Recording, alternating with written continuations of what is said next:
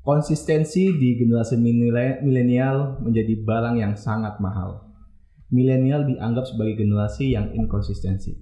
Tapi tamu gua hari ini dia sangat spesial karena dia sangat konsisten dari awal bekerja sampai sekarang perusahaan tidak pernah ganti bahkan jurusan kuliahnya pun sampai saat ini sama dengan pekerjaannya bersama gua Arman Zuhad di Kata Milenial di samping gua sudah ada Mas Fikri Abdillah Eh, ABD, iya. Iya. ABD. iya, ABD. Selamat datang Mas. Salaman dulu dong biar Oh iya, salaman ya. Iya, salaman. Social distancing, Bro. Iya. Intinya aja, Bro. Hey, eh, Mas Oing, Yo, gimana kabar? Mas? Alhamdulillah sehat. Alhamdulillah. Masih dalam rangka WFH nih, Bro. Oh iya benar, masih WFA ya, masih WFH, Bro. pekerjaan masih aman ya. Asih aman, di rumah saja kita. Mas mau nanya, eh, sampai saat ini Mas masih kerja di satu tempat yang sama? Masih dari lulus kuliah. dari 2014, eh 2013 hitungannya gue magang ini gue lu apa aku, aku kamu sih Gua apa dong. saya apa gue lu kan Eh dari 2013 gue magang Heeh. sampai 2020 7 tahun Tujuh tahun di Tujuh kantor tahun yang sama, sama di kantor yang sama di kantor- pekerjaan yang sama. Pekerjaannya ya sekarang ada penambahan lah nggak kayak dulu kan. Sekarang udah ada nanganin nanganin kasus dulu kan cuman fokusnya pendidikan kan. Oke. kalau sekarang udah ada nanganin nanganin kasusnya juga gitu. Oh, nggak bosan selama tujuh tahun di situ? ya dibilang bosen sih kadang ada ya cuman gue apa ya gue mikirnya cuman berusaha konsisten aja sih. Sama yang emang udah gue bangun cuman gue mencoba konsisten aja sih. Sama Kan gini, Hmm, eh, apa namanya banyak ya orang biasanya kalau mau naik gaji itu dia pindah tempat. betul pindah tempat, pindah tempat supaya gajinya makin naik. Habis itu dia juga menjadi mempunyai pengalaman lebih. Apa betul ketika teman-teman lu pindah dengan gaji yang lebih tinggi, lu gak keinginan? ya berapa kali tergoda ada godaan itu mah ada cuman eh, nggak tahu ya mungkin karena udah dari dulu ke apa namanya gue coba konsisten dulu dan gue mikir sih ya kerja di orang besar tuh pasti ada ada jalannya dan akan ada yang bisa gue dapetin gitu Gaji pertama lu dah, coba gaji pertama lu berapa? Gue pengen tahu gaji pertama lu. Magang berapa lama? asu asu magang ini bak udah harus banget dibuka nih Ya kisaran kisaran. anjir sedih kalau diceritain Dari mah magang, dari magang dulu berapa lama? Di situ gue digaji berapa? Sampai kontrak pertama itu gaji lu berapa gitu? Gak usah sebenarnya gaji cuma kisaran. Aduh, gua, gua kalau magang jujur gua nggak digaji cuy. Magang gak digaji Setahun gua nggak digaji. sama sekali. Eh ada uang ongkos-ongkos ya, ongkos-ongkos. Itu pun kalau ada pelatihan karena kan gini dulu tuh gua masuk itu kan masih merintis ya kantor Hmm. gua. Jadi bisa dikatakan belum tentu tiga bulan ada pelatihan, belum tentu. Jadi tapi kalau ada pelatihan gue dikasih dikasih ongkos. Cuman intinya nggak nggak digaji, intinya nggak digaji. Cuman kalau ada pelatihan ya gua gue dapat dapat transport doang gitu. Selama setahun. Setahun bro, setahun, setahun bro. Itu gue sampai pernah dibego-begoin lah sama Iyalah. beberapa kawan gue sama saudara gue. Lu bego mau aja gitu kan? Gila lu, lu S1 kan hukum. Yo, Ya kan, habis itu S1 lu juga tidak eh, tidak memalukan gitu 4 tahun gitu kan selesai. lima, Oh 5 tahun. lima tahun. 5 tahun selesai dengan IPK juga lumayan. Lumayan, alhamdulillah. Banyak pekerjaan-pekerjaan yang lain gitu sebenarnya bisa lu ambil. Heeh. Tapi lu memilih di sini selama Hmm. setahun dan lu nggak digaji apa-apa. Enggak, enggak digaji. Apa yang membuat lu tuh sampai gue tetap di sini? Gua, gue jujur, gua magang itu berlima. Mm-mm. Ya, eh tau lah lingkaran-lingkaran kita juga kan, lima orang itu eh empat, eh tiga cewek, sat, dua cowok. Ingat banget gua. Eh tiga cewek, dua cowok. Selama setahun itu, gua doang yang bertahan. iya lagi lalu. Enggak, gue gua doang yang bertahan. yang lain mental. yang lain mental. Iya, kalau gue pun jadi, jadi temen lu, gue mental.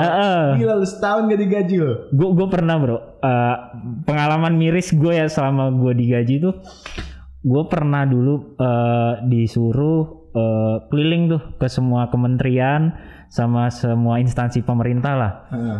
itu nyebarin proposal dan lain-lain. Itu gue cuman dibayar 20.000 ribu buat uang bensin. 2000 berapa? 2013 bro. 20 ribu itu gue cuman buat makan di warteg sama buat ngerokok doang. Gitu. 20 ribu tuh. Gue ingat banget itu pun di yang ngasih bukan kantor. Tapi uang pribadi manajer gua lu tolong bantuin ya nih gue kasih 20 ribu keliling tuh seharian gitu kan oh ya udah nggak apa-apa gitu sama ada ada momen Heeh. dulu kan gua karena gua di kantor gua sek- yang yang sekarang ini kan juga lu tahu lah ya kan itu kan di tengah kota banget kan Ah, betul. ya. parkiran mahal Betul.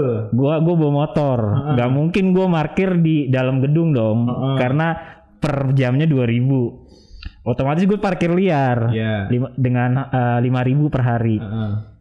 Razia bos di sub bos Iya balik-balik helm gua hilang ban gua kempes bos Untung motor gua nggak diangkut. Gua gua curhat ke tukang parkirnya. Heeh. Orang Madura juga kan. Cak ini gimana? Masih untung motor kamu nggak diangkut. Ya, helm saya hilang kan saya bilang masih untung motor kamu yang nggak diangkut helm kamu doang hilang udah nih saya ganti deh apa eh, uang tambah apa namanya di dipompain gratis gitu Oh. Cuma kan gue balik dengan nggak pakai helm kan sampai Dan rumah Kalau itu di daerah Sarina. Iya, ya Itu juga Sarina. pakai helm. Enggak. Gue harus gue itu jadi nyiasatinya gue tahu oh gue jam 7 malam gue keluar gue nggak ada helm gue nungguin sampai jam 10 malam bos di kantor Supaya aman. aman biar nggak ada polisi kan karena ya teman-teman gue cuman bawa helm satu semua gitu Gila lu di di, di Sarina. Ma- hmm Minimal wataknya 25. ya ya lu bisa takar sendiri lah Parkir goceng. goceng goceng. Abis itu lu selama setahun gak digaji. bekal bos. Sumpah gue setiap hari bekal sama nyokap gua. Bekal gua. Bekal. Gue pernah nih ya gue pernah diajak anak-anak kantor makan. Iya. di McD bawah. Heeh. gue nggak mau ikut. Gak ada duit sampai dia deh ayo deh ikut aja aduh mbak enggak mbak saya, saya udah kenyang Nggak. udah nggak apa-apa kita bayarin ayo kalau kita bayarin gitu Iya emang lu gila banget sih. Dan sampai saat ini eh, usaha lu untuk konsisten itu membuahkan hasil. alhamdulillah banget Contohnya.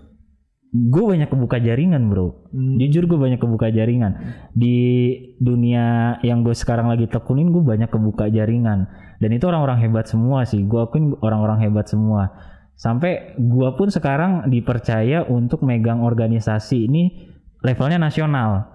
Hmm. yang gue pernah bilang kan gue eh, di kantor gue tuh ada namanya Asosiasi Auditor Hukum Indonesia. Iya betul. ketuanya bos gua. Gua ini sekarang dilibatin di bidang organisasi. Gua ngurus organisasinya. Mm-mm. jadi kayak pengembangan organisasi ya hal-hal yang terkait keanggotaan itu gue juga suruh ngurus. Bahkan gue sekarang sama bos gue ditugasin untuk membentuk beberapa cabang di semua daerah. Ini eh, asa ini kan baru lahir 2004 ber- mulai mulai ada gerakan 2013 sampai sekarang kita udah ada 15 DPW Hmm, Oke. dan ini sama bos gue gue disuruh tolong kamu uh, kembangin di daerah-daerah bikin apa namanya bikin uh, DPW bikin DPC bikin DPW itu salah satu Berarti tugas yang gue emban. Jaringan itu termasuk hal yang paling apa menguntungkan lah ya. parah parah. Di situ ya. parah. Yang ya, ya gue pernah ke Bali waktu itu tugas kantor gue dijamu habis-habisan. Gue cuman bilang pak saya saya lagi di Bali nih. Kamu di mana mas Wik gue dijemput hotel gue dibayarin tiga hari. Gue kan kalau uh, gue senin sampai jumat kan kerja. Ah. extend gue jumat sampai minggu. Dari jumat sampai minggu itu hotel gue dibayarin gue dikasih fasilitas mobil Fortuner sama dia buat keliling-keliling Bali itu salah satu Salah satu. salah satu ininya Tapi bukannya gue juga pernah dengar Hmm. kalau lu itu juga gara-gara jaringan lu ini, lu sampai eh tanda kutip lu dibiayain untuk sertifikasi. Kalau dibiayain sih beberapa sertifikasi iya ya, karena kan ya logikanya kantor gue yang ngeluarin sertifikasi, masa sih staffnya nggak nggak nggak dikasih kesempatan Apa gitu. sertifikasi yang didapat? Eh kayak auditor hukum gue dapet, Yes. likuidator, Oh, likuidator likuidator, gue yes. dapet, legal drafting perancangan kontrak gue dapet, Heeh. sama peran- eh, perancangan peraturan perundang-undangan. Gue sempet ditawarin konsultan pajak, Yes. gue nggak bukannya gue sombong, Nah, gue masih hitung-hitung Enggak enggak. Gue gue ngeliat pajak kayak anjir pajak kayak ribet banget gue. Hmm. Ah kayak bukan passion gue deh. Gue dipaksa malah sama pengurusnya.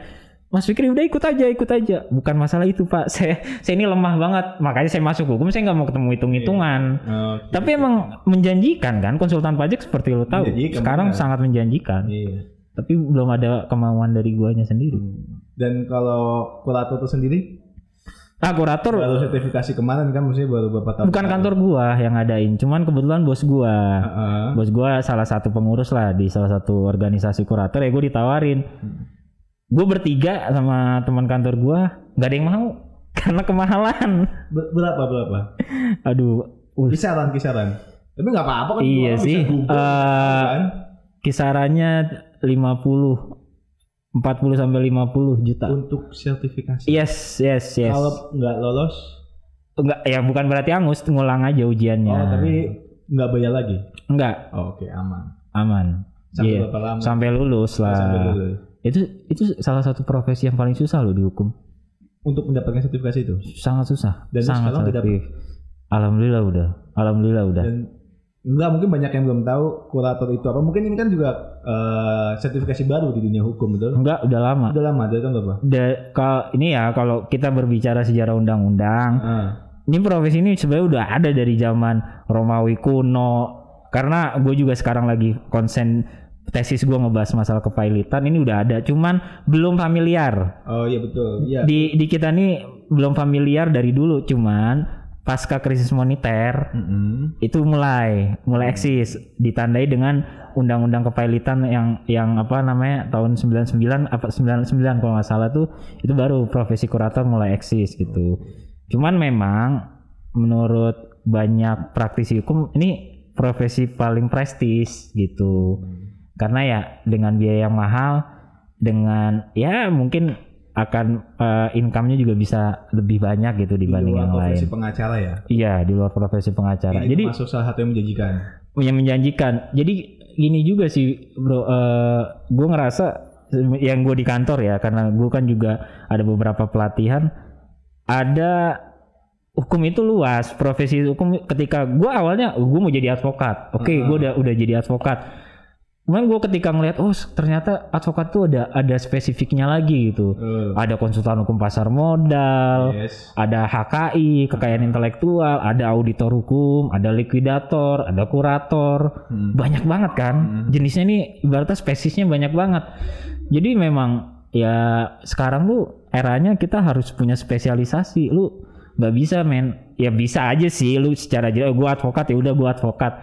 Cuman bagi gua ketika kita punya spesialisasi itu eh, orang akan lebih menilai kita secara apa ya eh, kita lebih punya nilai jual di situ gitu. nilai jual kita juga Ah. ada nilai jual kita juga ada Jadi ketika mau masalah hukum ya tentang masalah kurator, Hmm. tahu oh dia nih ahlinya gitu. Betul. Nggak nggak se- semua pengacara itu ahli dalam bidang tersebut kan. iya dan gue belajar dari ada salah satu bos gue bro di kantor gelarnya 15 kalau lu lu cari di searching di Google itu ada Dr. M. Asin gelarnya 15 Itu apa aja? 15 Itu apa itu? hukum sama akuntan.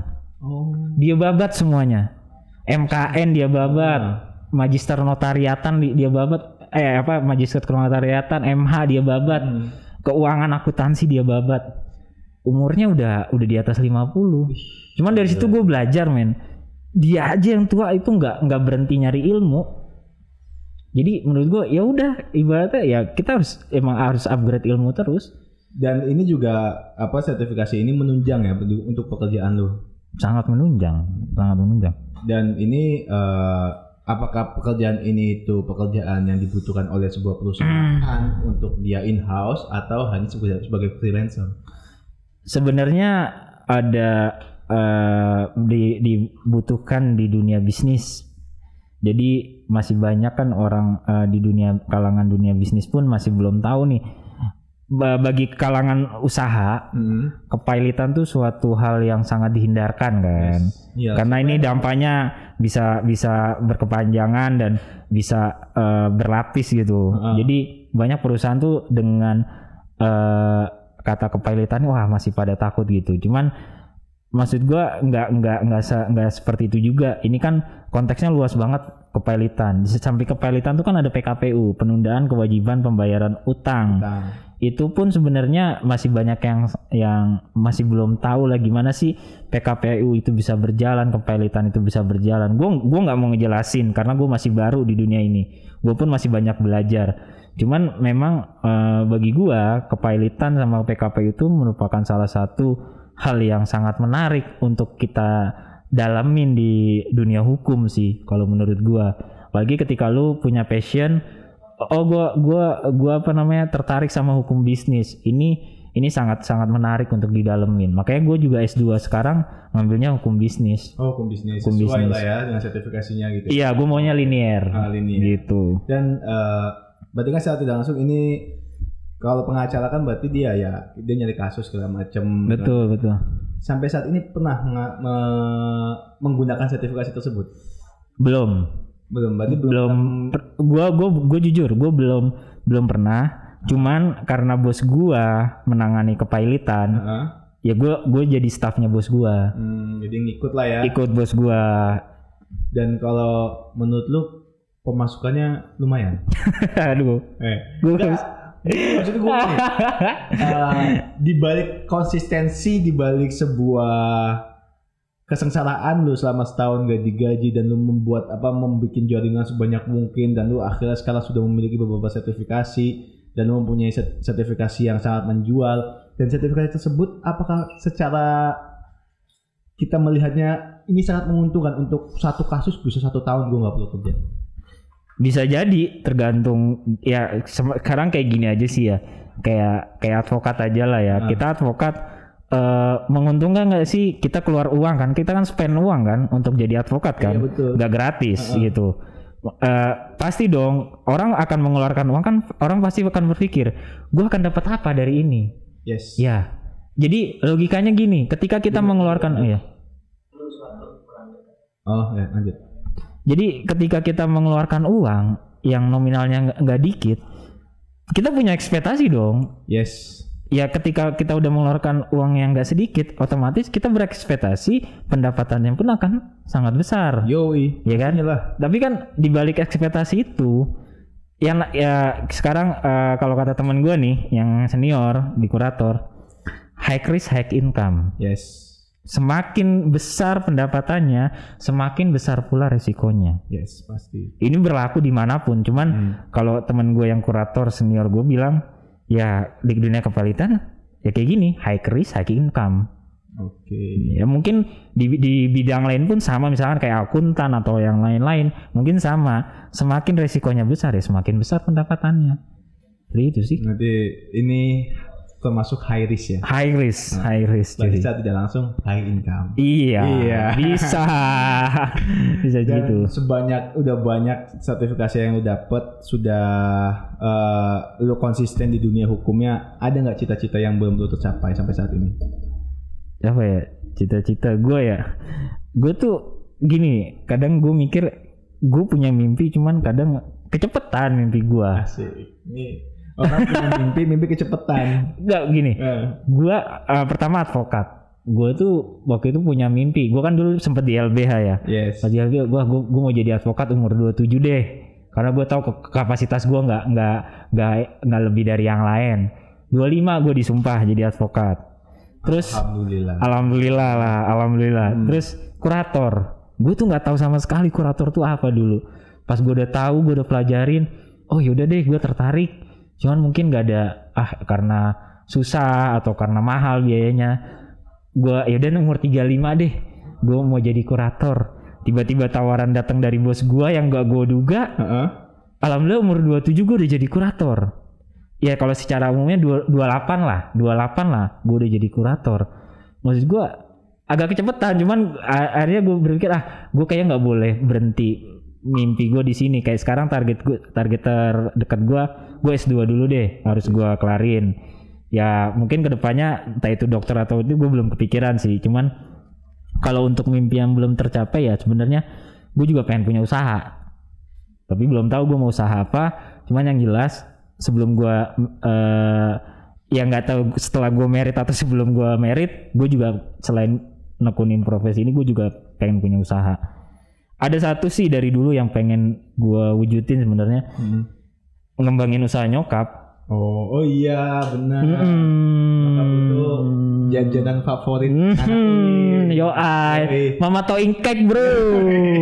Mama toing cake. Dan sampai saat ini terkena dampak dari wabah. Wabah itu sangat menyakitkan. Cuman eh, gini loh, gue kenapa gue berpikir gue mau ngembangin usaha kue nyokap gue. Ya bukannya gue, eh lu tau gue lah, gue dari dulu orangnya nggak bisa fokus gue tuh terbagi-bagi banyak. Karena kalau gue fokus ke usaha nyokap ngerinya kerjaan gue berantakan, Yes, kuliah gue berantakan. Udah diper sempat adik gue sempet gue suruh ngembangin nggak bisa juga. Hmm. gue percaya gini loh, usaha ini kan udah dari tahun 2000 nyokap gue ngerintis. Mama toing cake. Iya, sampai sekarang masih berjalan. Potensi dong. Potensi. Menurut gua potensinya itu ada, cuman tinggal dipoles aja gitu loh. Tinggal ini sudah jalan udah startup tinggal Udah. aja gitu. Yes, ya, gue percaya itu. Hmm. Makanya gua ke depan mungkin apa yang gua pengen wujudin ya salah satunya kalau gua ada rezeki segala macam mungkin gue pengen ngembangin usaha nyokap gue ini. Oke. Eh, mungkin Mas Toyeng ada eh, Mas Fikri lah ya, Gak enak kalau Mas Toyeng. Mas Fikri ada pesan untuk generasi Z atau generasi pasca milenial. Kalau bahwasannya eh, kalau generasi milenial kan terkenal banget inkonsistensi. Hmm, Ya betul. nggak betah di satu perusahaan dipindah-pindah. Yang penting CV-nya banyak. Iya. Eh, CV-nya Kerja di sini, kerja sini di gitu sini, lah. sini, sini, sini. untuk hi- mungkin ada yang untuk kesenangan, ada juga yang untuk biar gaji naik, ada juga Hmm. memang budaya nggak budaya nggak cocok. Tapi di sini ada contoh orang yang dengan konsistensi dia mendapatkan apa yang memang tidak ternilai dibandingkan perjuangannya yang harus selama satu tahun gaji. Sedih kalau ceritain. Eh, gaji pertama gue tuh Eh, eh, setengah dari UMR ketika itu. tahun kedua itu, Pertama gue tahun maksudnya tahun kedua. gue 2013 masuk, 2014 gue lulus kan. Ah. Gue langsung apply. Oke, kamu diterima. Oke. Gaji kamu eh, sekitar eh, dulu kalau nggak salah 3, koma sekian ya UMR. Ah, 30. Eh, 3, koma sekian. Gaji yang gue terima itu pokoknya 50 apa 60 persen lah dari UMR. Cuma kayak sehari gocap lah gitu. Iya ya seperti itulah. Iyalah. Mungkin ada pesan untuk generasi Z. Ya kan kalau ngeliat generasi milenial seperti ini. Hmm. Dan kalau kita ngasih tahu generasi milenial juga kayaknya eh, untuk generasi selanjutnya lah bahwa konsistensi terhadap cita-cita, konsistensi terhadap jurusan saat kuliah, konsistensi terhadap apa yang kita suka itu tidak semuanya berhas, tidak semuanya berujung jelek. Hmm. Semuanya memakan waktu dan Betul. semua memakan biaya, Betul. Pengorbanan lah. pengorbanan. Tapi Pengorbanan. hasilnya lah yang Iya nanti hasil ngikut lah. Iya, hasil, hasil ngikut ngikut, sih. Jadi kalau gue sih, gue gini ya kalau dari pengalaman yang gue lakuin, konsisten itu penting. Yang pertama. Yang kedua trust. Kelas. Kepercayaan orang ke kita akan datang ketika orang lihat, oh kita ini konsisten orangnya. Oh ini kita nggak gampang eh, kehasut sama orang lain. Oh kita ini jujur. Yang penting jujur juga kan. Salah satunya ketika kita udah konsisten, trust, skill akan ngikut. Di satu sisi orang akan percaya sama kita, gitu loh. Nggak gampang lah ngebangun kepercayaan ke orang tuh. Gue juga percaya kok cuma lu doang orang yang kayaknya ikhlas kerjanya. lu tahu kan dari dulu gue kayak gimana? Nothing tulus.